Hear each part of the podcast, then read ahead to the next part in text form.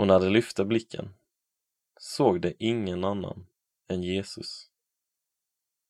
Matteus evangeliet kapitel 17, vers 8. En artikel i serien Vad säger Bibeln? av Arvid Birgersson. Detta är precis i slutet av en av de mäktigaste passagerna i evangelierna. Petrus, Jakob och Johannes har fått följa med Jesus upp på ett berg. Där förvandlas han. Ansiktet lyser starkare än världens starkaste strålkastare. Kläderna blir vitare än något blekmedel i världen kan göra dem. Inför deras ögon blir Jesus till någon som är omöjlig att se på.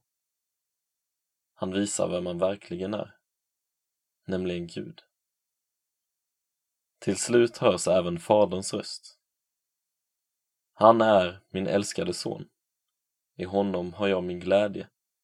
Lyssna till honom. Matteus evangeliet kapitel 17, vers 5b.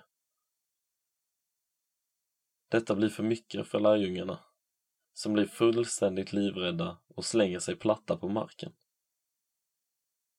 Inför Gud blir deras litenhet, deras intighet, deras synd så tydlig att de tror att de ska dö. Likadant reagerar Jesaja när han möter Guds härlighet. Ve mig, jag förgås, för jag är en man med orena läppar. Jesaja kapitel 6, vers 5a. Och på exakt samma sätt skulle vi reagera om vi mötte Gud öga mot öga. För Gud är värd att frukta. Men Gud är också god. Det var därför Jesus, Gud själv, kom hit till jorden. Han ställde sig mellan oss och Guds härlighet.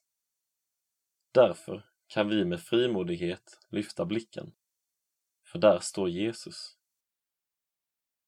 Men denna vers pekar också på något annat. Den pekar på att Jesus är med hela tiden. Han är med då det är superflashigt och allt är på topp. Men inte bara där. Om du lyfter blicken och stannar upp mitt i vardagen så kan du se Jesus överallt. I solens värme mot din kind, i vännens meddelande i telefonen, i ett stort glas kallt vatten, i biet som surrar i busken, i boken som triggar din fantasi. Allt detta har sin grund i Jesus. För om honom står det allt blev till genom honom och utan honom blev ingenting till av det som är till. Johannes evangeliet kapitel 1, vers 3. Allt detta är en gåva från Gud till dig och kan hjälpa dig att hela tiden påminnas om vem Jesus är och vad han har gjort. Det kan påminna dig om att Jesus, efter att ha visat sin gudomlighet, valde att gå ner i sin mänsklighet igen. Gå ner från berget och istället höjas upp på ett kors. Enbart för att du en dag med frimodighet och utan att dö ska stå fast och jubla loss inför Guds heliga, kärleksfulla, oändligt goda ansikte.